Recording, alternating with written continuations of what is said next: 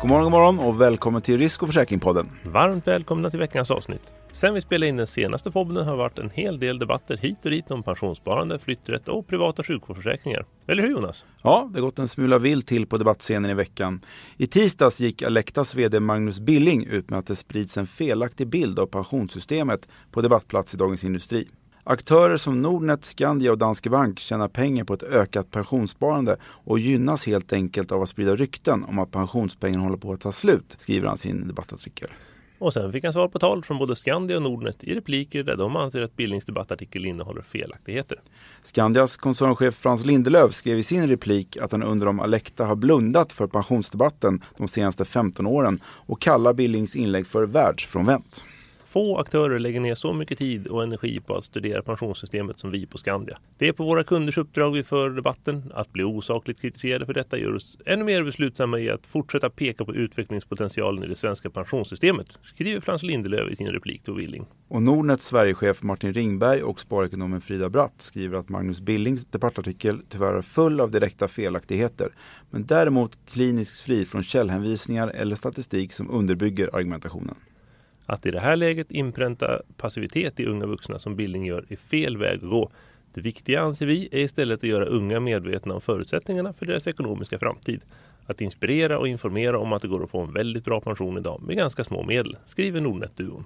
Ja, det är så att alla har sitt egenintresse i branschen. Debatten är såklart tillspetsad och det är mindre troligt att de egentligen står så pass långt ifrån varandra när det gäller vägen till hur spararna ska få en tillräckligt bra pension. Och sen fortsatte även den till stor del ideologiska debatten om privata sjukvårdsförsäkringar i veckan där Eva Erlandsson på Svensk Försäkring återigen fick dra sitt debattsvärd, denna gång mot Vänsterpartiet. Och Avanza gjorde i sin tur ett debattinlägg riktat till regeringen om flytträtten i samband med de nya tjänstepensionsreglerna i veckan där Avanza tycker att spararna blir inlåsta som det är skrivet i lagförslaget.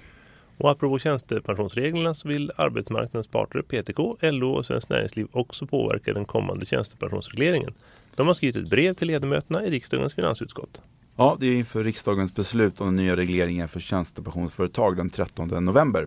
Enligt parterna är det inte fel på EU-direktivet utan på den svenska tolkningen. Om inget ändras i den svenska tolkningen kan resultatet bli lägre pensioner enligt de tre organisationerna. Kritiken från parterna tar fasta på eh, att det svenska lagförslaget innehåller kapitalkrav trots att det inte finns några kapitaltäckningsregler i EUs tjänstepensionsdirektiv JORP 2. Med regeringens förslag får de svenska tjänstepensionsföretagen enligt PTK i stort sett samma regler som livförsäkringsbolag och tjänstepensionsföretagen får inga särskilda fördelar. Det var det om det och det verkar som att konsolideringen i förmedlarbranschen fortsätter, eller hur Georg? Ja, det stämmer. I veckan fick vi på redaktionen kännedom om att Hjärta är intresserade av att köpa Säkra. Det är å ena sidan ingen överraskning för att de tre fristående aktörerna Hjärta, Säkra och Tydliga är intresserade av samarbete, det vet vi sedan förut. Men eh, så vitt vi vet så har det inte varit så här konkret som det blev nu. Nej, det är väl framförallt säkra med förre vdn Peter Uvelid som tidigare gått i spetsen och varit intresserad av att slå sina påsar ihop med någon av de andra förmedlarorganisationerna som motvikt till Söderberg Partners och Max Mathisen. Nu är det alltså istället Hjärta som erbjuder sig att köpa Säkra.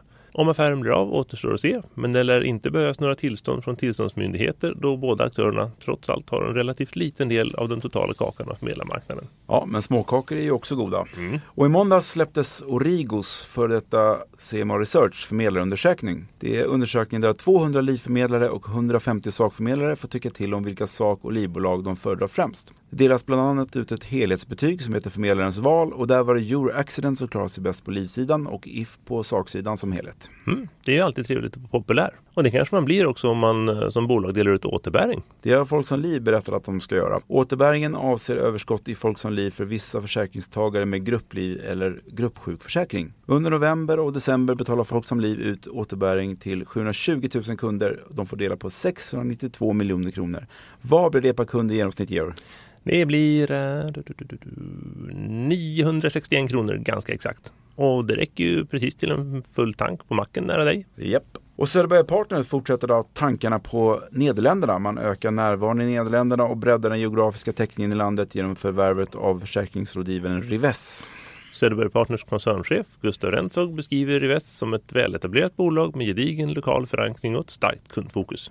Utöver Rives består Söderberg Partners i Nederländerna idag av Florain, Montey samt ett Söderberg Partners-bolag som ansvarar för drift och utveckling av Söderberg Partners produkter och tjänsteplattform i Nederländerna. Och sen kommer en internationell gammal bekanting tillbaka till Sverige. Visst gör de det. Det är Generali Pan Europe som kommer tillbaka till Sverige, fast under nytt namn. Nu heter de Utmost Pan Europe och man kommer att samarbeta med Nordeuropa Försäkring.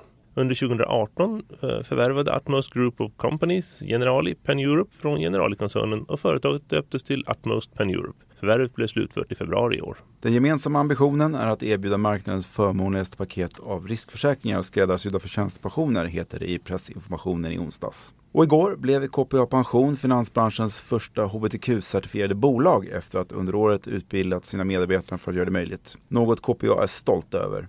Och det kan man få läsa om i dagens utgåva Riskförsäkring Insights, eller hur Georg? Det är just det man kan det. Medarbetarna på KPA har genomgått en utbildning och en handlingsplan har tagits fram för hur man ska skapa en god arbetsmiljö och ett hbtq-kompetent bemötande av kunder. Under processen har man stöd av RFSL som hjälpt till att ta fram konkreta verktyg för att arbeta systematiskt med frågor rörande mänskliga rättigheter utifrån ett hbtq-perspektiv. Britta Byrå, VD för KPA Pension, uppmanar alla andra företag i finansbranschen att också hbtq-certifiera sig. Det blir intressant att se vilka bolag som nappar på det. Mm. Och sen har du också träffat Svensk Försäkrings ordförande för en pratstund. Ja, jag har intervjuat Svensk Försäkrings nya ordförande tillika VD för Handelsbanken Liv, Louise Sander. Hon berättar om de viktigaste områdena för Svensk Försäkring just nu. Och vad sa Louise? EU, sa hon. Hon berättade att de skickar ner experter till EU många gånger om året för att bevaka svenska intressen då nya lagförslag och regler förhandlas fram för försäkringsbranschen.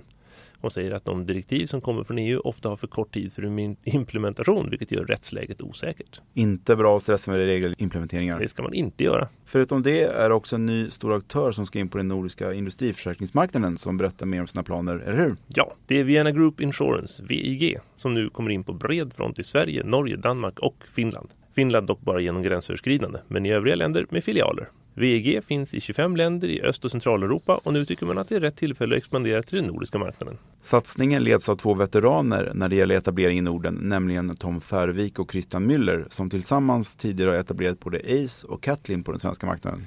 Ja, det blir spännande att se hur VEG tas emot på den nordiska marknaden. Är det något vi behöver hålla koll på nästa vecka tycker du? Ja, rapportperioden börjar så smått denna vecka med Trygg Försäkring och Svenska Moderna Försäkringars delårsrapport. Och på torsdag nästa vecka kommer också Avanza med sin Q3-rapport. På torsdag, alltså den 17 oktober, är det också dags för Risk och Försäkrings och Dagens Industris seminarium om framtidens sjukvårdsförsäkringar på World Trade Center i Stockholm. Adress Kungsbron 1. Anmäl dig gärna dit, ett intressant ämne och intressanta talare. Hoppas vi ses där.